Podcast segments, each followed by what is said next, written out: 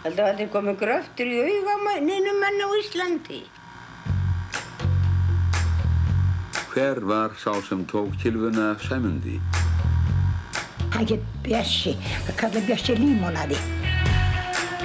Og stillir sig fyrir framan Jón Hermansson og segir bara við hann pardon, sagði við hann. Ég er ekki hingað komin til þess að segja mínum mannum á grátandi börn og hans húnar konur. Komið sæl og velkomin í Þræði. Ég heiti Alli Már Steinarsson. Og ég heiti Inga Þór Björnsson og við ætlum að ræða margt og mikið í dag meðal annars hernámið. Já, meðal annars hernámið. Ég er náttúrulega búin að vera smá með setni heimstyrjöldina á heilanum. Já. Og það var í samtali mínu við Þór Whitehead, bara út af öðrum þætti sem var hérna fyrir seríunni. Já, já. Þá byrjuðum við bara að tala um hlutverk Íslands í setni heimstyrjöldinni og allt þetta og áhrif á Íslands samfélag áhrif á Íslands samfélag, einmitt og þá náttúrulega er einn byrjunarpunktur á þessum áhrifum og það er hernámið Já. 10. mæi 1940 ég fór aðeins á stúfana og það byrjaði þannig að ég fann bara ræðun hans Hermanns Jónassonar sem var fórsætis ráð þeirra á þessum tíma og hann er svo sem kemur í útvarpið kvöldið Já. 10. mæi Akkurat, já eftir að það búið að vera doldið mikið bara þögn af því að breytar bara klifta á smá útvarp og bara Já, herri, já, við ætlum að, aðeins að loka í smá stund. Það eiginlega var kveikjan að því að fræðast aðeins meira um þennan hernámsdag ekki endilega hernámið í heild heldur bara þennan dag. Já. hvernig það gerðist hvað fólki fannst Já, og bara já, þetta eiginlega vakti svo mikla forvitni að ég eiginlega varða elda Já, já, það er það sem ég ætla aðeins að kynna fyrir okkur setna í þættinum. Já, já, út á þú- vasta Já, Já, þú ætlar að fara tölvöld lengra aftur en en ég. lengra aftur, akkurat. Því málumni fólks að flótta hafa verið fyrirferða mengil svona síðustu vikur. Mhm. og við rættum nú móttöku já, fyrsta flóttafólksins sem kom hinga fyrir tilstölan stjórnvalda árið 1956 í, í þætti hérna fyrir nokkru vikum síðan. Já, og alveg, alveg rétt að mæla með þeim ágæta þætti jú, jú, má gera það. Já, já, en, en uh, það sem ég ætla að fjalla um í dag kannski tengist merkilega mörgu sem hefur engjant samfélagið okkar upp á síkastið mm Mhm. svona leita betra lífi í öðru landi sóttvörnum og síðan uh, svona alþjóða pólitík Já, það er sem sagt kvítastriði sem er uh, hérna til umfjöldunar Mhm. eða drengsmálið, ólásmálið Mhm. Uh, sem ísamt hvað fólk kallar þetta kannski eftir pólitískri skoðun. Já, hvort það setur ábyrðina á uh, vinstrimennina, laurugluna eða þennan dreng. Já, En þetta kvítastríð er sem sagt nafn sem notaður yfir óeirðir eh, sem átti sér stað í Reykjavík í november árið 1921 fyrir framann hús Ólars Freirikssona sem var jafnaðamaður, hann var reitstjóri alþjóðublasins og verkalýs fóringi en forsaga málsins er sem sagt eh, svo að Ólafur kemur heim af alþjóðaþingi kommunista kom intern árið 1921 uh, búin að hlusta á ræðu Lenins þar til að mynda. Og hann kemur sem sagt með 14 ára dreng með sér hann nafni Nathan Friedman. Og drengurum var haldinn egypsku augn kvefi að trákóma eh, sem er smitnandi auksjúdómur og, og þá var hann til landlækni sem mælti með að honum erði vísa úr landi og Ólafur sem sagðist eh, alltaf fóstra drengin og, og kostan til náms. Leita á þetta sem pólitíska aðför að sér og neitaði að aðfenda drengin hann taldi að, að það verið að vera að taka drengin á honum uh, kannski vegna þess að drengurinn var að fara á Rúslandi Mm. og vegna þess að hann var þessi verkalýs fóringi en um, Ólafur lokaði hann því inni á heimili sínu að Suðugötu 14 sapnaði liði honum til varnar og það var svona hálfgert um, stríðs eða byltingar ástand í nokkra daga þarna í Reykjavík já, þetta er mjög áhugavert. Ég, bara, ég hafði ekki hugmynd um þetta þegar þú byrjar að tala um Já, þetta við mig já. og ég hlakka til að vita meira. En það er náttúrulega langt síðan að þetta gerðist en Pétur Pétursson sem betur fyrir gerði mikla útvastætti um uh, þetta mál árið 1982 þar sem að rætti þetta mál og, og rætti við þau sem tengdustu í á einn hátt eða annan og það tók Pétur nær uh, tvö ára að afla gagna og hann er að heimilda fyrir þennan þátt en það voru þetta 12 þættir hver og einnum klukkustund að lengt en það hann tekið við rösklega 100 einstaklinga vegna þessa máls en uh, eitt þeirra var Stengrumur Guðmundsson sem bjó í Kaupmannhöfn og hitti Ólaf og Natan á leið þeirra frá alþjóðaþinginu heim til Íslands. Ég man ekki eftir neinu sérstöku við drengin. Annað mér fannst hann hörmungarlegur og gerði ráð fyrir að það stafaði af því að hann hefði verið á flækingi og áttu skvart að búa. Áður en Ólafur tók hann að sér. Var þér ekkert undrunarefni að Ólafur skildi vera með þennan dreng með sér? Nei, mér var það alls ekki. Ég fannst alveg eðlilegt að, að þeir sem að töldu sig að aðstöðu til þess reyndu að hjálpa þeim sem báast áttu út í þessu stríðandi heimi. Já, já, allt eðlettu það að hjálpa þeim sem þurfa. Já, honum fannst þetta bara fullkomlega eðlegt einhvern veginn. Já, já, einmitt, en uh, þeir sem sett koma til landsins og Nathan verið fljótt vinsæl meðal skoðanabræðra Ólafs og er náttúrulega ungu strákur og eignast fljótt leikfélaga mm. hér á landi þrátt fyrir að tala ekki íslensku en eitt þeirra var uh, Jafet uh, Óttórsson sem Pétur rætti líka við. Sérstaklega var það að því að ég var nú kunnugastur neður við höfnina að þar gengu oft niðurittir og hafðu verkamenn margir hverjir sem farinu neður frá gaman að heyra mál drengsins. Nú það sem um var nú deilt og var aðra að fundi þessum blessuðum dreng til foráttu það var þessi auksjúkdómur, trakóma sem hann gekk með og var haldið fram að vera í bráð smitandi. Varstu þess var í einhverju tilliti að hann bæri þess merki? Nei, það get ekki sagt og vorum við það mikið náið saman e Ég get ómúlega sagt að ég hafa nokkuð tíman látið mér þetta í hug að það væri nokkuð aðtöðast við augun í honum hvað þá heldur að hann gengi með svona bráðsmitandi sjúkdóm. Og þetta var leikfélagi Natans?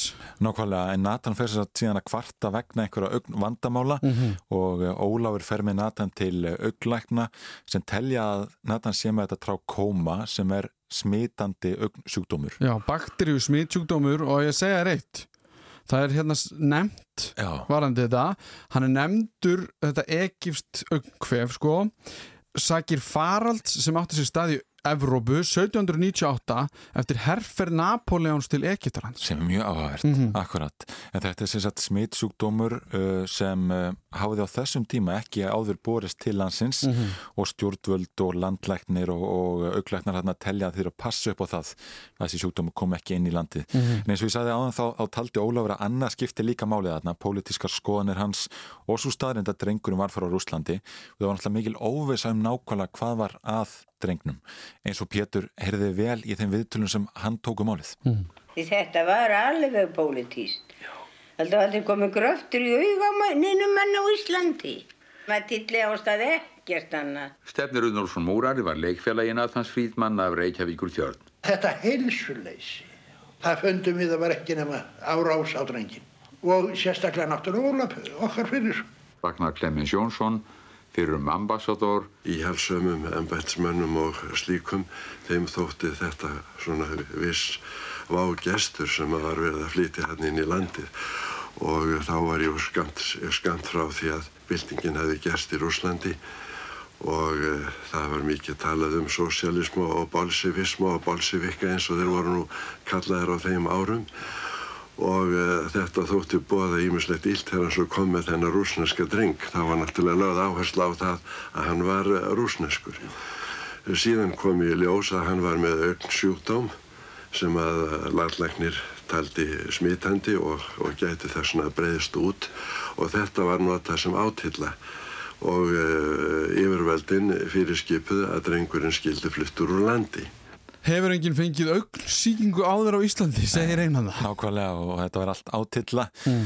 en sem sagt, eh, Óláður er ekki á því að senda drengin úr landi nefn að fá þá miklar bætur frá ríkinu sem hann geti notað til að stunda nám mm -hmm. en um, þetta var allt pólitísk ofsótt sem sagt og þá var lauruglinni skipað að ráðast til aðgerða að finna strákin sem Óláður og hans menn höfði felum og koma honum úr landi sem fyrst og þann 18. november ákvað lauruglan undir fórustu Jóns Hermannssonar lauruglustjóra að gera atlögu að mönnum Ólafs og frelsa Nathan og það stefnir þannig mikil átök þarna á sögukotinu þar fylltist alltaf fólki annars vegar e, fólki sem ætlaði að berjast með Ólafi og, og hans mönnum og hins vegar bara almennum borgurum sem voru þarna komnið til að fylgjast með þessu miklu átökum mm. það líst í heimildum eins og þetta hafi verið stórfljót upp göduna mm. að mannmerðin hafi verið slík. En uh, nefnundur MR fengið mitt uh, já, ímist frí eða skrópuð til að vera viðstættur þetta eins og Áskir Ólásson sem var á þessum tíma í MR listi fyrir Pétri. Í þá daga þá var nú ekki hlaupið að því að fara til skóleifurveldun og segja ég er fór frí. Nei. Nei það var að fara aðra leið fara rólega og kurtislega svo við, við tókum það kostin að velja tvo okkar bestu mönnum sem við treystum vel til þess að heimsækja rektor Geir Sóika þann öðling, ljúmenni og uh, þeir fara til, til rektors, þessi tveir menn. Rektor tekur þeim uh, ljúmanlega eins og hans var vonu vísa og þeir byrja upp erindi að fá frí. Já, piltar mínir, segir hann, frí, fá frí, alltaf það sér nú hægt, segir. Þeir vilja, vilja ekki sætta sig við það að vera afgreitið svona og, og vilja ræða málið eitthvað.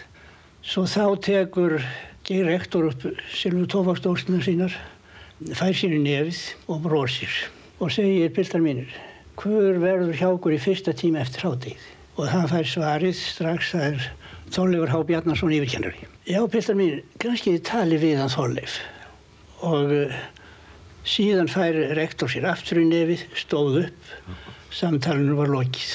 Og fær sér nefið. Þetta var svona aðeins kumpónlegra þannig í Kanada. Já, já, akkurat. Ég veit ekki hvort að, að nefndu fengur leið í dag til að uh, fylgjast með einhverjum átökum. Eða skólastjóri væri að taka í nefið fyrir fram að. Ég held að það væri heldur ekki sérstaklega vel, vel séð. Nei, nei, þannig er fólk að streyma að og fólki í kringum Ólaf Essens að undirbúa sig fyrir möguleg átök og Steinþóra Einarstóttir merkis kona sem hafi mikið álit á Ólafi og fengið til að aðstóða þar uh, í söðukötunni og sagði frá því þegar hún var beðin um að hitta kaffi á, á fundi manna hana. Og ég fyrir svo að taka þarna til og alltaf fara að setja um vatn og ég til þess að hitta kaffi. Kemur þar maður sem ákala margir, sem var nú þannig broti fylkingar sem ákala margir kannast um mér, hann heit Bjössi, það kallar Bjössi Límonaði og það kemur í með voðalegum látum og segir heiðu Steinþóra það verður ekki nokkur út af því að hérna verði hitta kaffi. Það er bara að taka upp límunusflöskunar og setja þær bara um glukkan rétt okkur þær því að það verður, það verður er verið að stopna til yllinda hérna og, og þeir var það margir sveittur og gott og kallt ég fer mjög að lítast á blökuna og segja Guð hjálpi menn þegar sögðu þegar hindi tímina að hérna ég ætti hérna, já það verður ekki þetta tí sjálf fyrir hann Bjössi Límonæði Það er mjög gott. Það er mjög gott uh, viðnefni Það var náttúrulega meiru þá þessum tíma að fólk væri með eitthvað viðnefni Já, líka, líka bara að þú veist, það hefur bara verið komið að því að hann sagði einhvern tíðan mér finnst límonæði mjög gott. Já, bara, já, já, Bjössi límonæði. Það, það, það bara var að eilu og hann segja þarna að kannski þurfi fólkið ekki kaffi heldur frekar eitthvað kallt að það var margir sveittir segir hann. en uh, fylgda fólk Ólafs heldur áfram að safna liði og, og mættu til að mynda upp í háskóla mm. og sóttu það rótæka stúdenda eins og Sveinbjörn Sigur Jónsson lísti Við sátum þarna nokkru strákar inn í kjenslustofu í háskólanum sem þá var til húsa í Alþingishúsinu. Og uh, allt í einu kom þar inn, við vorum eitthvað að rappa saman, þá kom þar inn með miklum gusti Hinrik Ottosson og uh, sagði strákar allir ekki að koma og hjálpa okkur? Þeir eru að þeir, lauröklan er að ráðast og Ólaf Friðriksson var allar að taka á hann á rúsneska drengin og við uh, brúðum nú við og vildum svona sjá hvað um væri að vera og uh, heldum söður í Söðurgötu, nokkrir. Og mentaskóla piltum fjölgar á vettvangi Söðurgötunar, sér að Garðar Savarsson segir frá. Ég er þá í, í gagfræðilt mentaskólans, ósköp stöðt komin þar og við erum nokkri félagar sem að heyrum um þetta Já. og það við finnum að óluguna í kringum þetta allt saman. Já og, og þetta kemur daldið okkar tilfinningar. Til dæmis þetta með drengin sko sem er ný sóttur uh, langt í burtu og er þarna inni og, og, og Ólafur hefur lokað húsinu en múrum hans í kring. Og margir sem að, sem að hrópa alls konar uh, orð um þetta að, að þetta sé óleifilegt að hafa dreng með þennar sjúkdóm og svo framvegis En ég held nú að við, drengirnir, piltarnir, þessum mennskólum, þessum fyrstu bekk, eða andur bekk mennskólans, að, að við höfðum samúð með Ólafi, við höfðum samúð með honum. Hins vegar vissum við náttúrulega ekki hversu alvarlegur þessi sjúkdómur kynna að vera, en tilfinningarlega kom þetta við okkur. Og menn voru að fara upp tröppunar og kalla og berja jafnlega hurðina og Ólafi kom út nokkrum sinnum og inn aftur og svo var einhverstað var lögreglega viðstönd þetta nálagt minnst okkarsti og við fundum spennuna að það myndi standa til að lögreglan erði þarna látin grípa inn. Sko þau sem er að hlusta í spilara eða einhvers konar veitum hlustið kannski aftur á bara þennan bút til að heyra jáin Já, sem eru þarna að því mér finnst þau smá óþægileg en smá fyndin líka í leðinni að því að hann er alltaf að jáa svona inn á milli. Já, já, já, já, og maður gerir stundum ósjálfrátt ég má er að gera sjálfur viðtöl. já, já. en að því það heyrir svo lítið í honum það er það smá, já. Akkurat, en á þessum tímabúndi sem þá er lauruglan búin að taka af símasambandið. Þeir eru búin að einangra húsi á Suðugutu 14 Mhm. og þetta er í fyrsta skipti sem íslenska lauruglan bara köttar á síma þannig að, og einangra þannig fólki sem þarna er inni Já. að það getur ekki verið að ringja og sapna liðið þannig og Þarna þarna er hann líklega bara klift bara á fólkið. símalínuna bara bókstælega eða eitthvað Það er allavega einhver aðgerið sem þetta er gert öðru í dag Já, já. En lauruglan fer síðan inn í hús Ólafs og þá er Nathan falinn. Lauruglan finnur ekki Nathan alveg strax en Svafa Hjaltalín sem var vinnukon á heimilinu lísti því sem gerist næst. Svo voru þeir bara komnir að því að fara. Þá kemur Erlingur Pálsson og segir við þá að hann við þekki leið þó bak við rúmið. Nei, þeir hann ekki gert það. Svo rúminu er kýtt á vegnum og þar kemur í ljós skápur og þar kemur drengur út úr skápnum og stillir sig fyrir framan Jón Hermansson og segir bara við hann pardon, sagði við hann. Og þeir hilsa svona og þá er gripið í strákinn og hann er farið með hann út. Skömmu síðar kom Ólafur út á suðurtröppurnar og hrópaði. Nú eru þeir búin að finna drenginn og koma bráðum með hann grátandi. En við látum hann ekki fara. Ekki virtist Ólafur vera mjög æstur í skapi. Hann gekk síðan niður blettin og tók, samkvæmt skýslum lauruglunar, upp tunnustaf en tvær ónýttar tunnur lágu nýrst á blettinum. Sama gerðu allmargir menn úr hans liði, samkvæmt laurugluskýslum. Þeir heldu síðan með bareflin upp suðurtröppurnar, en litlu síðar kom Sæmundur Gíslason laurugluþjóðinu fram á tröppurnar og held á piltinum undir hendinni. Eitt vitnið bar síðar fyrir rétti að Ólafur hefði þá kallað upp. Nú skulum við berjast og berjast. En Ólafur neytaði sjálfur að hafa sagt þetta, enda aðeins eitt vitni sem hvaðst muna það. Drengurinn veinaði enn hátt, er komið var með hann fram á tröppurnar. Var það einna líkast því að herrópi hefði verið lostið upp því að mannfjöldin ruttist þá upp lettin og réðist til allögu gegn lauruglunni. Um sviparleiti skipaði Axel Tulinius fyrir um síslumadur sem hafði skipulagt skotfélagsmenn þeim að ráðast fram til aðstóðar lauruglunni. Ólafur kannadist við að hafa ráðist fyrstur að sæmundi laurugluþjóni og þeim laurugluþjónum sem með honum voru en neittaði að hafa haft barefli. Nú réðust margir menn að Sæmundi og hinnum laurugluþjónunum og voru sumir með barefli. Sæmundur bar fyrir rétti að tveir menn hefðu kift í fætur honum og að hann hefði þá grípið í handriðið með hægri hendi til að styðja sig. Þá hefði hann mist kilvuna og einhver tekið hana. Og einhver tekið í kilvuna er Sæmundur Íslasson misti hana og hver var sá sem tók kilvuna Sæmundi?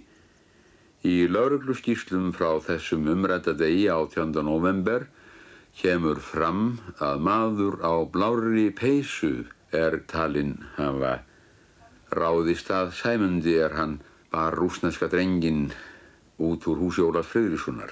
Hver var þessi maður? Í blári peysu. Sögumadur þessara þáttar gekk á fund margra í því skyni að inna þá tíðinda og við fundum að máli aldraðan verkamann er þá bjó í Norðurbrún fjögur Helga Jónsson. Helgi Jónsson var sammæður að kjartani Ólafsinni sem kunnur var fyrir stjórnmála afskipti, frambjóðandi alþýðuflokksins í Hafnarfyrði, lögreglumadur þar og lengi bæjarfulltrúi, Helgi Jónsson segir frá. Og ég er fyrir framann tröppunar þegar hann kemur með drengin í fanginu og hann skildi komast. Það er ég sem að, að tek á mótunum. Þeir bara einn og tek undir buksnarskjálminn hans og hann skellur upp í lót. Var þessi náttúrulega ekkert á því. Og ég rýf þar með buksunar hans upp í streng. Því mér var alveg sama, bara ég vildi riðja dragnum braut. ég sá sko aldrei drengin held ég annað en þegar ég hrifsaðan hatt hún úr höndunum á þessum manni og og reymbuksunar hans ég var alinn upp hjá helvítis djöfulsins fantakalli og myndi eftir mörgu frá honum Ok, yngvar, það er margt sem þarf að ræða í þessari klippu sem við vorum að klára. Já, já, akkurat. Í fyrsta lagi þetta hér. og stillir sig fyrir framan Jón Hermansson og segir bara við hann pardon sagði við hann. Hann stillir sér fyrir fram að á Já. og segir pardon. Kemur út úr skápnum. Kemur út úr skápnum. Segir Pa- Pardon. Pardon. Og ég var ekki viss hvort þetta væri, sko, pardon bara franska. Já. Þetta er náttúrulega rústneskur strákur. Já. Og leitaði í svona öðrum heimildum, hvort það var einhver heimildur um það hvað hann hefði nákvæmlega sagt Já. við laurugluþjónuna. Fann ekki neinar aðrar heimildur um það eins og Svafa Hjaltalinn nefnir þarna að hann hafi komið út úr skápnum og sagt pardon. Af því að það er náttúrulega stórkostlegt, stórkostleg innkoma inn í þessar aðstæður. Einmitt. Og sömulegis Það sé afsakið á frönsku þegar maður gerir pardon. Já, og hann alltaf kunni ekki íslensku, kunni ekki ennsku, þannig að mögulega þekkir hann þetta svona tiltölu alþjóðlega orð. Það sem ég er að velta fyrir mér, yngvar, er að sjúkdómurinn sem hann er með í augunum Já. er nefndur þannig út af eh, herferð Napoleons til Egyptalands árið 1798 vissulega en að þá hafi komið pardon Akkurat, inn akkurat. í eh, einhvers konar umræðu Já, já. og þess vegna þekkja orðið. Það er mín tilgóta. Það er ágætið styrkáta, en það er líka merkilegt að því að þegar fólk er að fela sig Mhm. almennt held ég inn í, í einhverju húsnæði þá er algengt held ég að fólk hugsi það að það myndi fela sig undir rúmi eða inn í skáp Já. og mjög áhugavert að- lauruglan hafi hafi ekki uppröðanlega leitað það, það var ekki fyrir en einhver segja bara að hafið prófað að- færa þess til rúmið Já. Það sem svona, þú veist, það lætum við hugsa um að þau hafa ekkert leitað neitt sérstaklega vel. Nei. Bara litið inn og sagt hann er ekki hérna. Nei, nei, að- og það eru engar líkur á því að hann sé ekki inn í húsinu. Þau eru búin að vera fyrir utan það allan tíma. Já, já, mjög Já, þessu Og síðan líka þessi helgi sem að er þarna fyrir utan og er alin upp af djúvölsins fantakalli Já. sem er náttúrulega ótrúleg tilvitnun en hann náttúrulega brókar mann fyrir utan húsið það er það sem honum finnst svo fyndið Það er náttúrulega, já, það er mjög það er mjög fyndið hvað honum finnst að fyndið Já, ég er að segja, ég er að segja það Já, að hann akkurat. er að hlæja mjög mikið upphátt yfir þessari frásögn, frásögn sinni Já. þegar það kemur ykkur hann út og það er algjört hafari í gangi Já. og hann bara grýpur í buksnastæringin á einhverju manni bara manni. ein, einhverju manni, hann, hann bara hátt sett um lauruglumanni sem er þarna að bera Nathan út Já. og hann, hann bæði á slær mannin og einhvern veginn tekst að hann Já, og finnst það bara stórkostlega skemmtilegt Já, sko. sem að, en eins og við erum að þræða við daginn í dag væri ekki vinsælt í dag. Nei, einmitt, einmitt. Og þrá fyrir að sko lauruglumenni þarna voru vopnaðir stálkilvum en aðgerinn einhvern veginn mistekst því eftir að hafa náð drengnum endurheimdi með fylgismenn Ólafs drengin strax aftur og Áskir Ólafsson uh, hann sagði svona frá uppgjöfinni rætti það við Pétur Svo hann, eh, hann eh, ég hef heyrt eh, þetta haft eftir Jóni Hermannsinni, lögurlustjóra, þegar hér var komið sögu. Ekki heyrði ég það náttúrulega því það gæti. Að hann hefði sagt, ég er ekki hingað komin til þess að siga mínum mönnum á grátandi börn og harmþrúnar konur. Við skulum komið heim pildar. En, en svo, e, svo mikið er víst að eh, Jón Hermannsson skipti sér ekki framar að þessu máli. Ég er ekki komin hingað til þess að siga mínu mönnum á grátandi börn og harmþrungnar konur Nei, nákvæmlega Þetta er þetta er ótrúlegur hlutur til að segja sko Já, ég var blastið að lauruglan bjóst við einhverjum átöngum þarna en kannski ekki svona miklum Nei. mitt.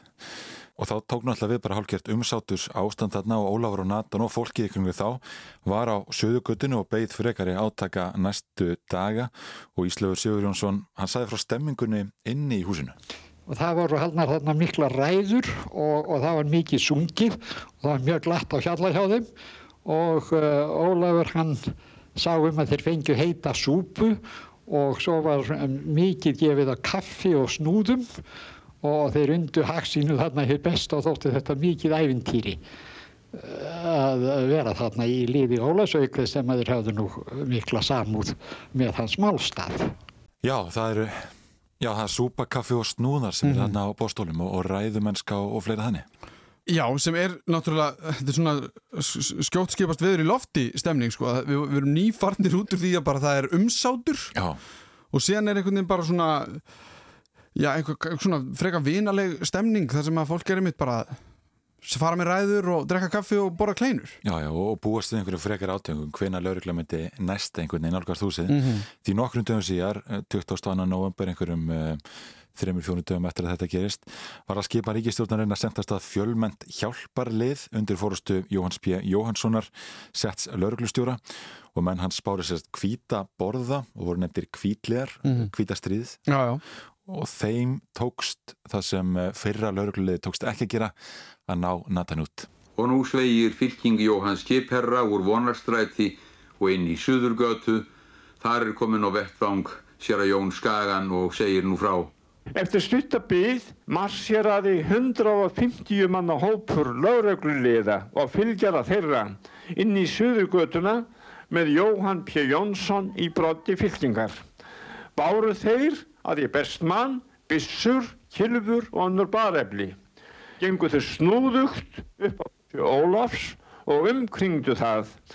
Voru þar þá dyr læstar og engin úti á stjái. Ruttist Jóhann, settur lauruglustjóri, fyrstur upp neðrið tröppurnar og kallaði inn að opna skildi í kongsins og lagana nafni. Þegar því var ekki synd, braut hann upp hurðina með bólöksi mikill. Þannig sagði sér Jón Skagan frá heimsókn Jóhann Skipherra er fór í fararbrotti sjálfbóðaliða og lögreglu sveitar að handsama menn Ólafs Fridrikssonar í Suðurgötu 14. En hvað segja Ólafsmenn? Við höfum náð tali af nokkrum þeirra. Fyrstur er Kristmann Guðmundsson réttuðundur. Síðustu nóttina voru menna smá hverfa. Þar á meðal möntamennir flestir og henni kommunistisku áróðasmenn. Fóru þeir heim til foreldrahúsanna og letu sumur vera döðveikir daginn eftir þegar lauraglan kom að sækja þá. En á að giska 30 manns byðu áttekta og runnu hvergi. Sjöungir piltar höfðu, dreng, höfðu tekið drengin með sér upp á háaloft er aðförum var sínileg og byllt ofan á hleran gríðar þungum hjártkassa er þar var uppi. Byðum við nú þar átekta og hlustuðum á hamagangin niður í húsinu. Þegar búið var að taka þá fyrstu, fóru hinnur að veita mótspyrnu og fengu margir laurglumenn sig fullreinda áður en allir voru sigraði niðri. Ekki fannst drengurinn þar og þegar búið var að rannsaka allar hæðirnar á samt kjallaranum komur rauðina háaloftinu. En stígan höfðum við dreyið upp og hendur nú gaman að hótunum þeirra um að skjóta niður loftið undir okkur. Þarna voru komni Sigurjón síðarkentur Álafoss og Tryggvi vinnur minn Gunnarsson á glímukappi á samt mörgum fleiri. Öskraði Sigurjón allt hvað aft tók og hótaði okkur öllu illu en við svöruðum auðvitað skeitingi. Var þá safnað saman húsgögnum til að standa á og tekið að saga í loftið kringum játkassan. Þótti okkur sínt að hann myndi geta orðið mannsbani og jáfnvel fleiri manna ef þeim tækist að saga hann ofan á sig. Einnig vissum við mæta vel að orðsna var töpuð, þó, þótt reyði og þrjóska reyði nú frekar gerðum okkar en skinnsemi. Var það úr að við veltum kassanum frá og opnuðum hleran. Rákuð þá einhverjur upp hausinn en við slóum þá niður jafn harðan. Stóði þessu stappum hríð, uns Frídmann litli sagði að þetta þýtti ekki lengur og myndi hann nú gefast upp. Let hann síðan taka sig en við stukkum neður úr stigagatinu og eftir honum og var þegar ráðist á okkur á miklum ofsa. Það vildi mér til að Tryggvi Gunnarsson bar hönd fyrir mig er Sigurón ætlaði að þrýfa til mín en hann var heljan menni og hefði ég ekkert haft að gera í greipar hans. Var ég svo handjárnaður og farið með mig út. Þar var fyrir mikill fjöldi manna en heldur þögull að þessu sinni. Einhverjir rópuðu þó utan á fylkingunni bæði hug hreistingarorð og skammir en ég gaf því engan gauð. Skapið mínu var nú svo farið að ég hrættist ekkert lengur en óskaði þess eins að gera eitthvað ílt af mér. Hendur mínu voru járnaðar fyrir aftan bak. Ég reyndi að losa þær og uppgötvaði mér til mikillar ánægu að ég myndi geta smegt vinstri hendinni úr hringnum. Svo var mál með vexti að í stað laungu tangar bensins sem grafið hafði út, sögum Berkla, var enn ekki komið annað en brjósk og máttu því þrýsta hendinni saman svo að hún var litlu meir um sig en únliðurinn. Let ég kýrt líka meðan verið var með mig þarna. Það er eitthvað við þessar lýsingar Já. frá þessum tíma sem að ég veit ekki hvort ég ætti að segja eru svona einhver romantískar einhver leiti en að því að það verður að lýsa átökum lögreglu og einhverja aðila í þessu tilfelli sem eru að já, já. verndan Nathan Já, já, lýsaði mjög vel, Mjög vel. og, og grúndíkt En af því að á þessum tíma er Ísland og Reykjavík náttúrulega ekki svona fjölmennt eins og er í dag Nei. þannig að þau þekkjast svo mörg. Já, já, já, og hann er að lýsa hann glímukappi, hann er, ég hefði ekki þú veist, ég hefði ekki neitt róði hann hefði hann komið á mig. Og þetta eru meira handalögumál þetta er svona, það er eitthvað svo ekki saglust eða reynt við Nei, nei. þetta og þú veist hver er að styðja Ólaf og, og uh, hver er að styðja hinna já.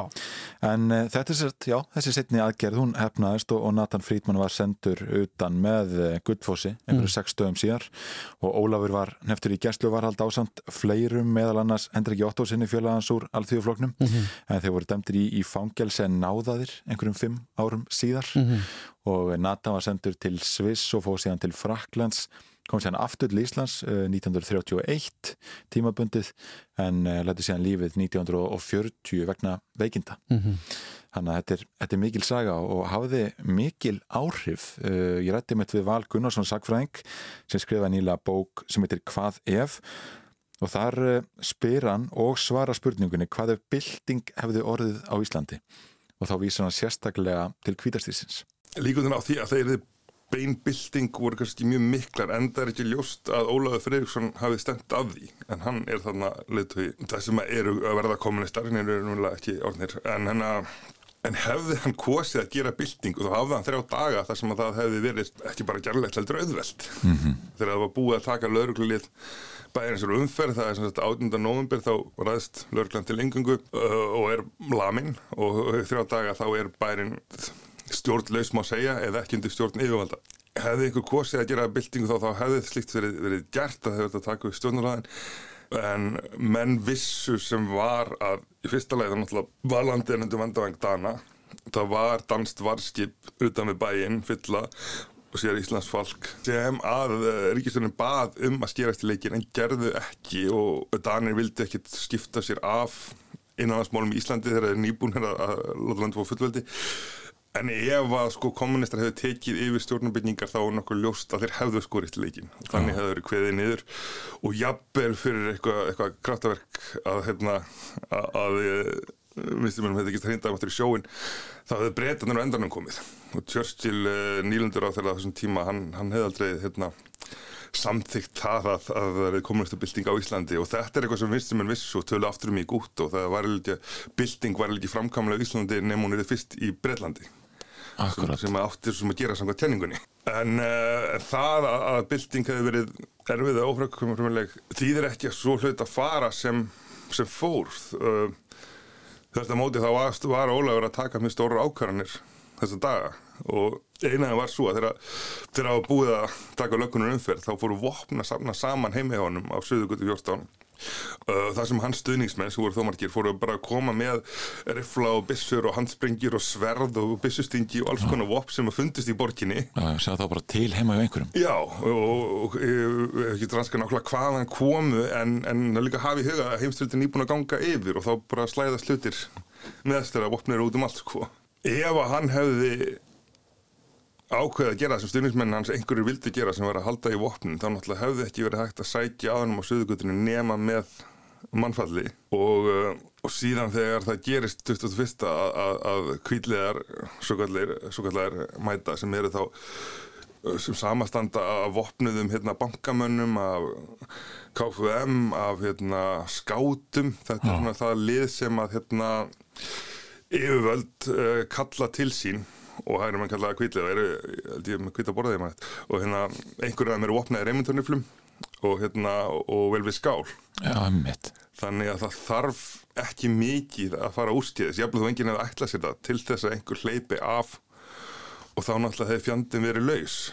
Og, og þegar það er byrjað að drepa fólk eins og við sjáum í Finnlandi og Írlandi og flegustuðum á þessum tíma þá, hérna, þá er mjög erfitt að þá er ekki hægt að skrúða það tilbaka, þá heldur það áfram Já, já, og næstu kynnslóður ára tí, jável Já, eins og við sáum á Sturlungu eld þannig að smæðin enginn vörð til slíku og, og síðan með það sem umhverflega gerðist það var náttúrulega allavega nú setna í gútt og slagnum gerðist þetta aftur en ef að það hefur komin hefð fyrir uh, mannvígum í, í kringum hérna pólitíska deilur í Íslandi þá getum við vel hefði ímt sér að það hefði haldið áfram. Það er ekki finnir til loka áratöðarins sem að þá sem að, að löggan er farin að vopnast eftir hérna vöruskiptarsamlingi við spánverja. Spánverjar fá íslingar fisk og íslingar fá spánavín og, og byssur móti og, og, og það er upp úr því og síðan kemur hérinn sem gerða verkum að, að, byltingar í Íslandi hafa ekki lengur verið jafn gerlegar og framkamlegar og það voru raunverulega þessar fyrstu tvo ára tíu liðveldisins.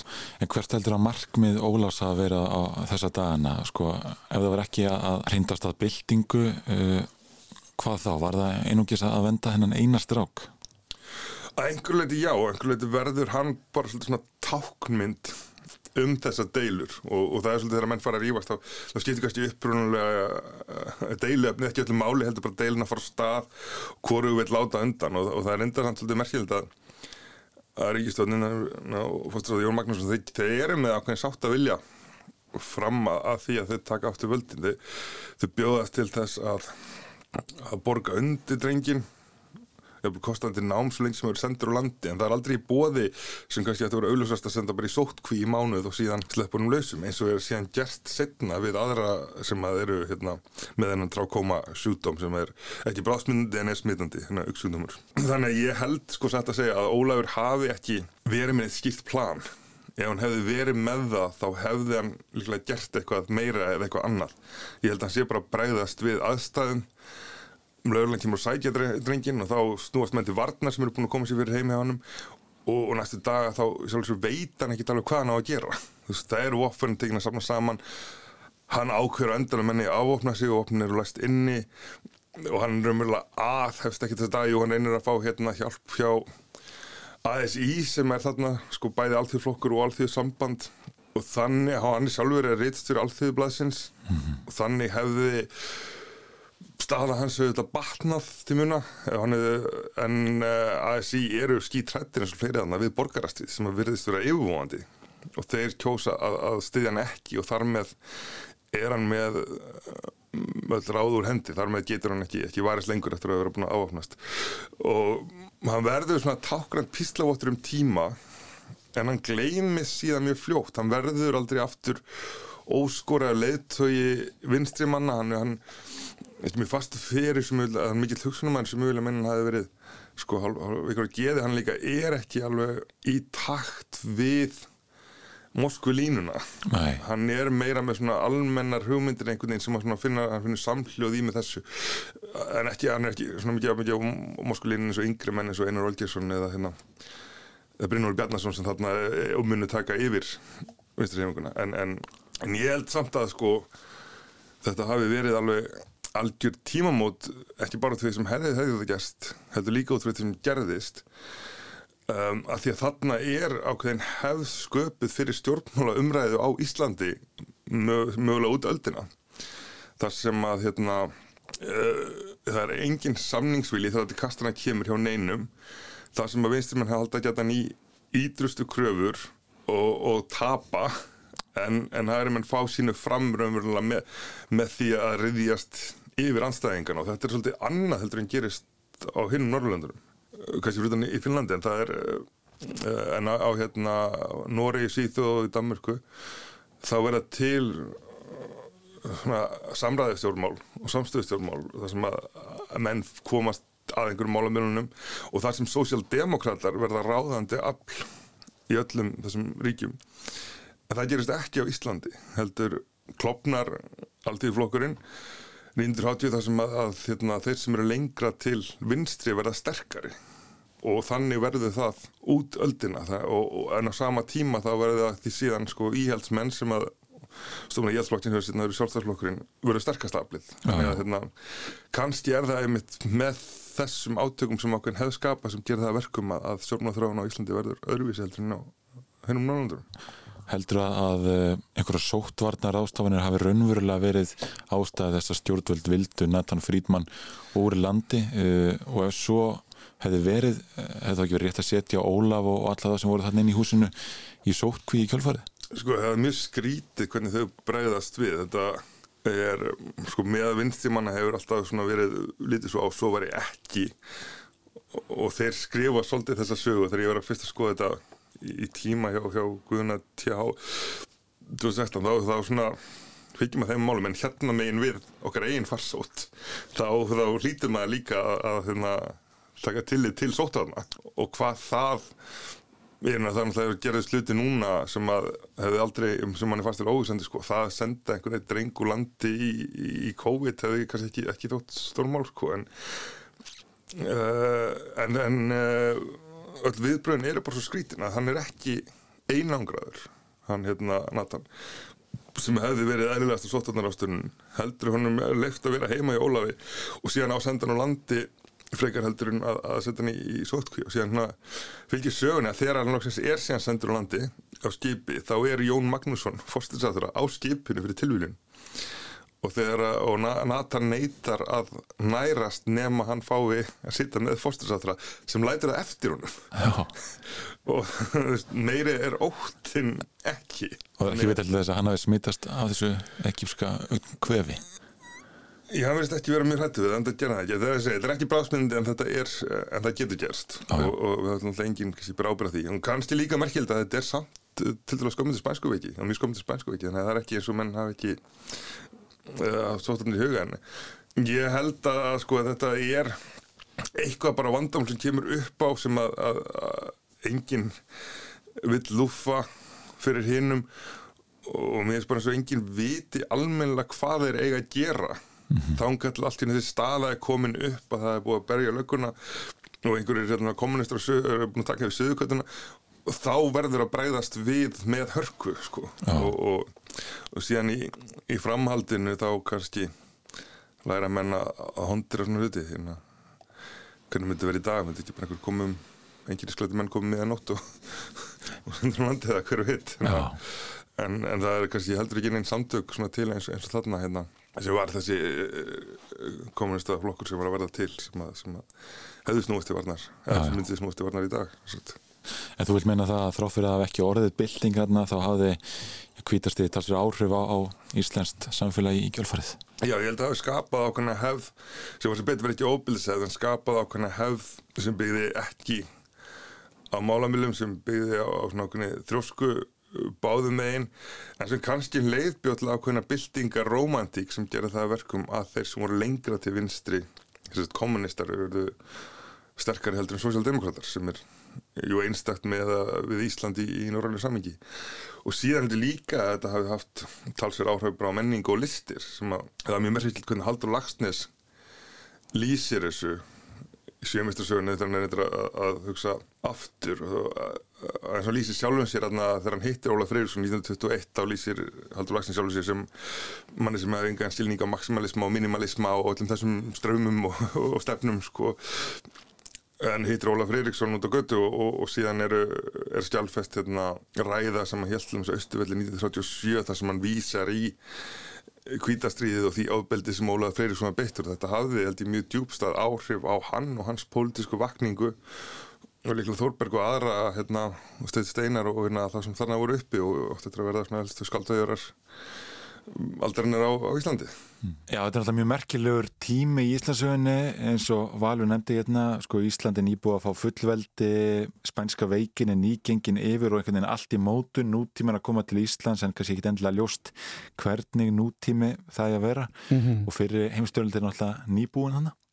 Og náttúrulega líka merkilegt það sem hann segir með þú veist, að þetta er aldrei fordæmiskefandi hefðu, ver, hefðu verið meira ofbeldi, hefðu verið nota vopn eða eitthvað slíkt, þá hefði sko að því að gúttóslagarinn var að eiga bara afmæli núnum daginn, að þá hefði sá slagur orðið enþá grófari, já, já. einhvern veginn að það væri fordæmi fyrir því að nota vopn eða hvernig sem það er sko. Já, og síðan náttúrulega er líka bátsverðin hjá okkar manni, hvað fer hann með gullfósir ekki? Tilbaka, hann er sendið með gullfós tilbaka og þar er já, góður ferðafélagi. Já, það er fórsættis að þeirra með hann Já, og hefur ekkert á móti því að sitja með honum. Nei, nákvæmlega. En þú sagður að hann hefði dáið 1940 Akkurat. Og það leiðir bara inn í það sem ég er búin að vera að pæli aðeins í þessari viku. Og kannski sérstaklega vegna þess að það voru einhverjir sakfræðingar sem töldu hérna áður fyrr Mm. að Nathan Friedman hefði látist í útrýmingabúðum í setni heimstyrjöld. En það var síðan uh, dreigið tilbaka Já. og, og talað að hann hafi núna látist þarna 1940. En þetta ár, 1940, 10. mæ, þá gerast náttúrulega stórkoslega merkileg hluti fyrir landi okkar, breytar mæta og hernema landið já, já. og ég fann ræðuna sem að Hermann Jónasson, fórsetisöðara Íslands, kemur með hann um kvöldið.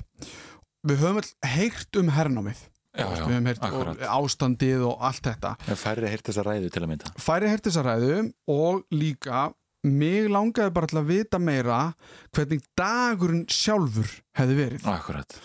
Ég ætla því að leið okkur inn í brot af ræðunars Hermanns að því hún er rúmar 11 mínútur en síðan fekk ég til mín Leif Reynisson og hann fór yfir þetta allt saman með mér.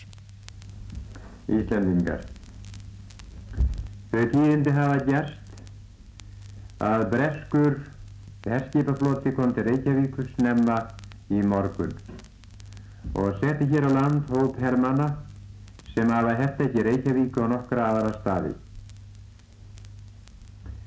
Með breska hernum kom sendiherra Mr. Howard Smith sem að nýlega hefur verið útnefndu sendiherra breyta í Reykjavík en hafði skams tíma verið sendiherra breyta í Kaupmannhaf.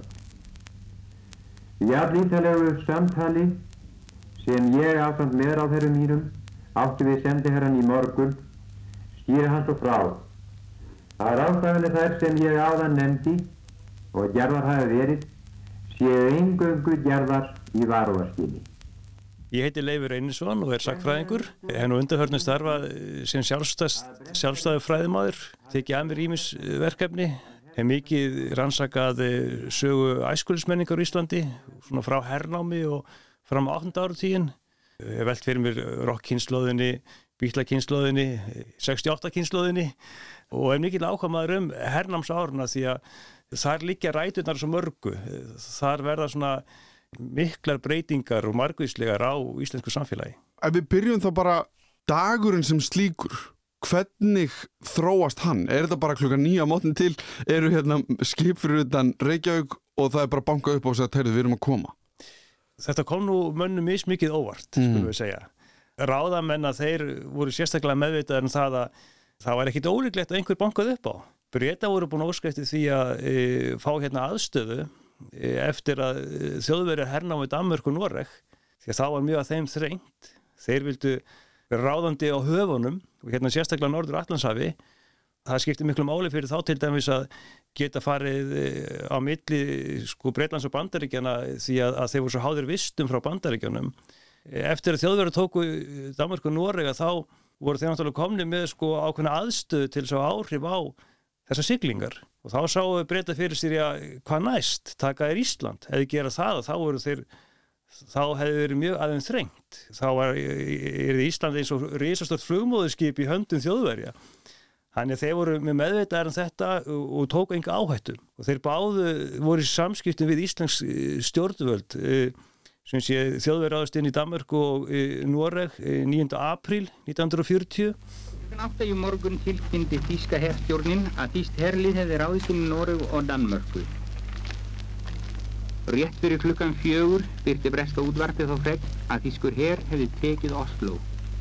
Talið er að hernámi Danmörkur verði lokið í kvöld. Og þá verður aðbyrður á svona okkur röð.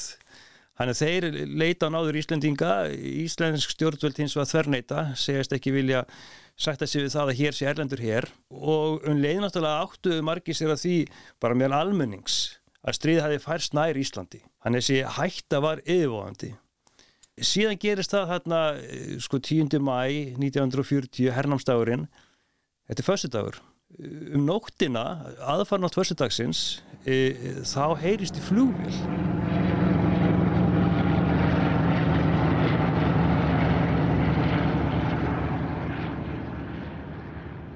flýgur yfir bænum og það var mjög óvennilegt. Við áttum ekkert marga flugvilar sko, hvort það hefur verið einn. það var engin flugumferð og allar sísta nætulagi. Það var ljóst að það var eitthvað óvennilegt að segði mm -hmm. og þá kvektu margir á perunni sko. Nú er eitthvað að fara að gerast. því verið haldið framönda að hafa verið svona um þrjú nætulagi, það með skilst það vöknuðu margir upp við þessa flugvél Eðlilega, ef það er ekki minna, okkur, ég heyrði flugvél í nótt í bílíðunum og það var frekar eðlilegt en Já. ef það væri aldrei neitt þá hefði þetta verið pínu svona uh, ok Akkurat, þetta var eitthvað sem að var að skjönu veruleikan á þessum tíma Mhm. síðan sko þeir sem tóku daginn snemma að þeir tóku eftir herskipum þarna, það sem að þeir kannski stóðu við höfnina, tóku til herskipum á sundunum Þeir bentu þegjandi vestur örf fyrir sig. Þar gekk yfir dimmt jæljaski en út úr sortanum séu hægt gráir skipskrokkar. Ekki var um að villast að þarna voru herskip, þrjú eða fjögur, misstór og með opna byssukjafta í allar áttir. Og uh, fyrsta herskipið mun hafa komið að landi já, svona um fimm á mótni held ég með ég segja. Og það er ágæta lýsingar á þessu til dæmis í blöðunum bara daginn eftir. Það sem að segja frá því að einhver bladamaður eða bladamenn hafi verið við hafnabakkan sko. Og einhver tóku eftir því að hérna var uh, á hafnabakkan líka breski það var einhver embættismadur mm Mhm. þeir voru náttúrulega ekki komið með sendiherra sko því að Ísland var ekki líðveldi Nei, auðvitað ekki, það var það bara eins og þessi þíski aðili sem var hérna líka ekki? Já, svona ræðismadur Já, já, já. og e, þegar ég sá hérna þennan breska fulltrúa sko þá lögðum nú semið saman 2 og 2 þetta lítur að bóða það að breytar sér að koma Mhm. en það var eitthvað að fólki hérna sem sé við höfnina sem er kannski sem að tóku daginn mjög snemma eða aðri sem höfðu ekki lokið fymtu deginum sko. Og sem er aðeins sko við skál og órhjálegir Já. en uh, fyrstu herrmennu koma í land sem séum fimm á mótni og síðan tekur náttúrulega ákveðin tíma að koma mannskapnum hingað í land. Og er það bara þannig að skipin bara leggjað bryggju og lappa í land? Það var engin fyrirstaða Nei, það er kannski, ég var, var að fara ég sagði þetta þá hugsaði út í já en hver ætti að stoppa á? Já, sko, eina fyrirstaðan sem ég heyrt nefnda við vorum ekki með neitt hér eins og við vitum Mm. mjög fámenna lauruglu og stóra hluti að henni var reyndar ekki í bænum einu sinni, heldur hérna á laugavatni við einhver æfingar, en, en sagan segir reyndar að þekktur maður í bæjarlífinu, hann hafi verið hérna nærri og hann hafi steikt nefan fram í breska hérn og sagt ég fyrirbýð ykkur að ganga hér á land Já, og e, það var ekki mikið vel hlusta á það. Nei, hann náði ekki að verja landið. Nei, nei. Ég held að það hef verið sko Viljan frá Skáholti sem var sko þekktu fyrir eh, vísnagerð en, en líka svona einn af þessum hérna sem, sem var þekktur á Hafnastrætinu þar sem að rónarnir heldur til Já. sem sé hann var hérna alveg ekki, ekki alveg alls gáður að sögn Einmitt. en, en e, sko breytar þeir komu nú ekki öllum herskipunum fyrir í höfninni Eh, Nei. ég held að það hef verið sjö herskip eh, hvort það hef verið tvö beitiskip og, og fimm tunduspillar og, og, og það var nú þannig að sko þegar að koma þessum mannflutningum að þá fenguður lánuð íslenskip ég held að einhverja tógara sko til þess að flytja mannskapin frá stóru skipunum og í land. Og ég sko þessi, þessi hermi sem komum fyrst það voru, þetta voru Royal Marines svona hérna konunglegir landgönguliðar breska flotans. Mhm. ég held að það hef verið 746 að tölu.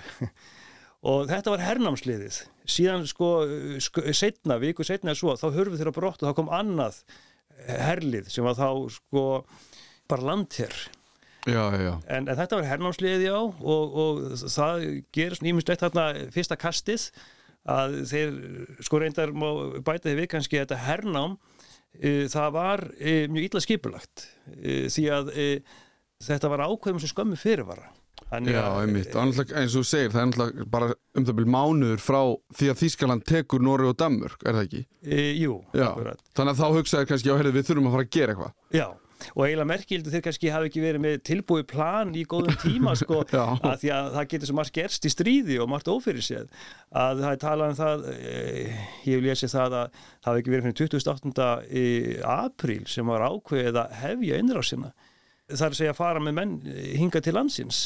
Þannig að það- svo skammur var fyrirvarin enda sko eh, þau gögg sem þessi hermenn komið með sér voru mjög ómerkileg og Íslendingar sjálfur sem voru kannski ekki þekkingamenn á sviði hernaðar gerðu grín af þessu og tölum um það að þetta væri vopnabúnaður fyrir heimstyröldin og eitthvað þess áttar sko.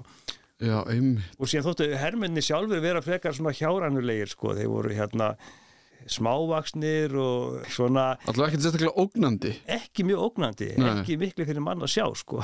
Einmitt. en það sem ég gera fyrst að það er það að þeir, þeir nálandi syns ég og það sem var þeim kannski efst í huga það var að hafa upp á öllum þeim þjóðverðin sem voru í bænum og síðan náttúrulega vissur ekkert um það hvort að hér yrði einhver anspyrna en áttu nú allt eins vona því. Þannig að eitt af því sem gera það er náttúrulega að fara hérna að húsi eh, þýska ræðismannsins við tungutu Gerlags ræðismadurinn að hann hafði nú haft einhverja njósnir af hvað var í eh, vændum því að hann var ekki bara vakandi heldur í óða önn að brenna skjöl Já, já. í baðkarnu hjá sér að sögn Þannig að hann vissi alveg sko með einhverjum fyrirvara hvað var að gerast. E, síðan náttúrulega tóku, tók herin líka ákveðin svona líkilstaði. Það er náttúrulega, það er að passa upp á það að engin tíðindi bærist úr bænum af hernáminu. Að þeir taka sko landsíman fyrir vikið, e, þar sem að útvarpi var líka til húsa e, við Torvalsinstræti mm. -hmm. viðbænum. Ég taka lofskeitastöðina, ég taka posthúsið og, og það er loka sem sé fyrir síman úr bænum. Þannig enga fregnir gátt- æ- æ- ættu að geta borist. Og útvarpinu var líka loka þannig að sko Mér myndir að hafi verið þannig að útvarpi hafi hafið dagskrá sínum hádegi, þetta var náttúrulega ekki langt nei. og, og landsbyðamenn tóku eftir því að útvarpi þagði, sem var náttúrulega óvernilegt, hvað er að gerast? Og þá fara mann að spyrja sér spurninga sko, og, og sömur fóru álítið sem svo, já, það hefur eitthvað meira átt að gerst kannski. Jafnvel sem er mjög umlaus. óþægileg staða að þið, maður ímynda sér sko að bóðleðinar er ekki eins og í dag það sem allt getur frest á einni sekundu Já, en nákvæmlega. að þú farið einhverju fréttur síðan allt í henni bara ekkert Já, og, og útvarpi var náttúrulega e, e, svo mikilvægt á þessum tíma sko því að þaðan komum fréttirnar Mhm. e, á landsbyðinu sko komum fréttir kannski jú með blöðunum eftir einhverja daga en, en þetta, þarna varstu svona í beinu sambandi sko Já. og, útvarpi hafði mjög mikið að segja á þessum tíma og tengdi sveitirna við svo margt sko Þannig að þetta þótti undarlegt og síðan herin fór hérna og lokaði líka uh, útkomu leiðum úr bænum. Þannig að það var settur hervörður við Ellidár uh, og hervörður við Fossvógin, það sem að vegir lágu úr bænum og engi mátti þá bara, fara. og það bara að því að þeir vildu ekki að þetta myndi fréttast eitthvert Já, kannski Eh, 20 í þessu. já. Annars vegar það að það mátti ekkit fréttast og hins vegar það að komið veg fyrir það að þeir þjóðveri sem væri í bænum myndi hugsanlega leggja flótta. flýja, já, auðvitað Já, þetta er tvent sem að e, þeir hafðu öruglega engum í huga.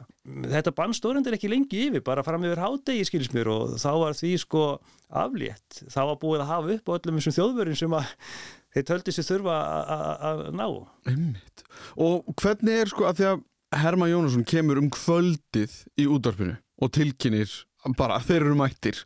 Ef við hugsum um, ég veit ekki skriffinskuna við það að hernema land er það nóg að þeir bara fari hvað, nýri alþingi eða stjórnaráð og, segi, og banki bara upp á eða, og segi, heyrðu, hérna við erum að taka yfir eða, þú veist, hvernig, hvernig gerist þetta?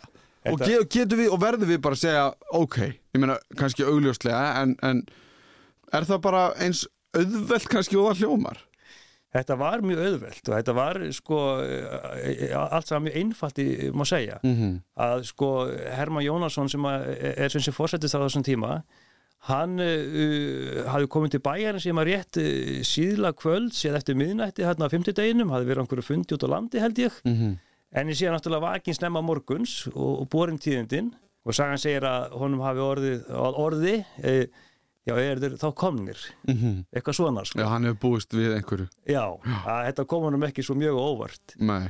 og, og reyndum að bæta því við að sko þegar fólk frétti af hernáminu að þá eru fyrstu viðbröðin yfirlega þessi Guðsi lofaður breytar að, að, að, e, að tveimur slæmum kostum þá var mun betra að fá breskan her heldur en þískan Mhm. að þeir menn náttúrulega áttuðu sig á því að það voru allt annars konar stjórnvöld e, í Þískalandi en í Breitlandi Mhm. og, og, og mikil sko náttúrulega sterkur hernaðarandi ríkjandi í Þískalandi á þessum tíma og, og þeir fóru fram í offorsi menn vissu það, þeir náttúrulega fengið reglulega fréttir af því hvernig uh, þíski herrin hafði hagað sér mm Mhm. hannig að, að mörg, mörgum var létt fyrir vikið og það kannski var eitthvað í spennufall sko, að því að þetta lásu í loftinu það geti komið til innrásar og gott og vel nú var svo stund rönnin upp, kom önnum ekkert svo mjög óvart og það var skári kosturinn sem að uh, þarna hafði sko uh, látið til sín taka, breytar Nú síðan var ríkistjórnafundur, ég held að hann hafi verið settur á kláðan tíu, það leiði nokkuð stund sem sé. Og nokkur eftir að hann var settur að þá koma breytarnir einu fimm eða maður rétt sko eh, sendi herra breyta, Howard Smith hann kemur með þessum breska herrflota og kemur þá fyrst til landsatna ásand hern, hernum á, á hernámsdægin og hann voru einhverju fleiri fulltrú að breyta e, sem að e, gera stjórninu grein fyrir því hver er starfinn málsins að við erum komin hinga til þess að herrtaka landið og, og lofa því í leiðinni að hafa ekki afskipti af innanlandsmálum. Þannig að Íslands stjórnveldi ég alveg geta haldið áfram að sinna sínum skildum og lofa því að hafa sér minnst áhrif á svona þjóðlífið sem að segja og, og leiða að þeir munu fara brott eins fljótt og hægt er en þeir sem komnir hingað á yllri nöðsin að e, það sem að þjóðverjar sko vaði yfir allt og, og svo hætta sér fyrirlíkjandi að þeir munu hafa ætlað sér að, að hernum á landið. Að því að við erum kannski að tala bara um þennan dag og þegar við erum hernuminn en að þú segir sko að það líður vika frá því að segir, Royal Marines hernámsliðið það er og síðan kemur bara herin þessi vika, bara ef við tökum aðeins hana, vitum við einhvern veginn hvernig hjælt bara lífið áfram?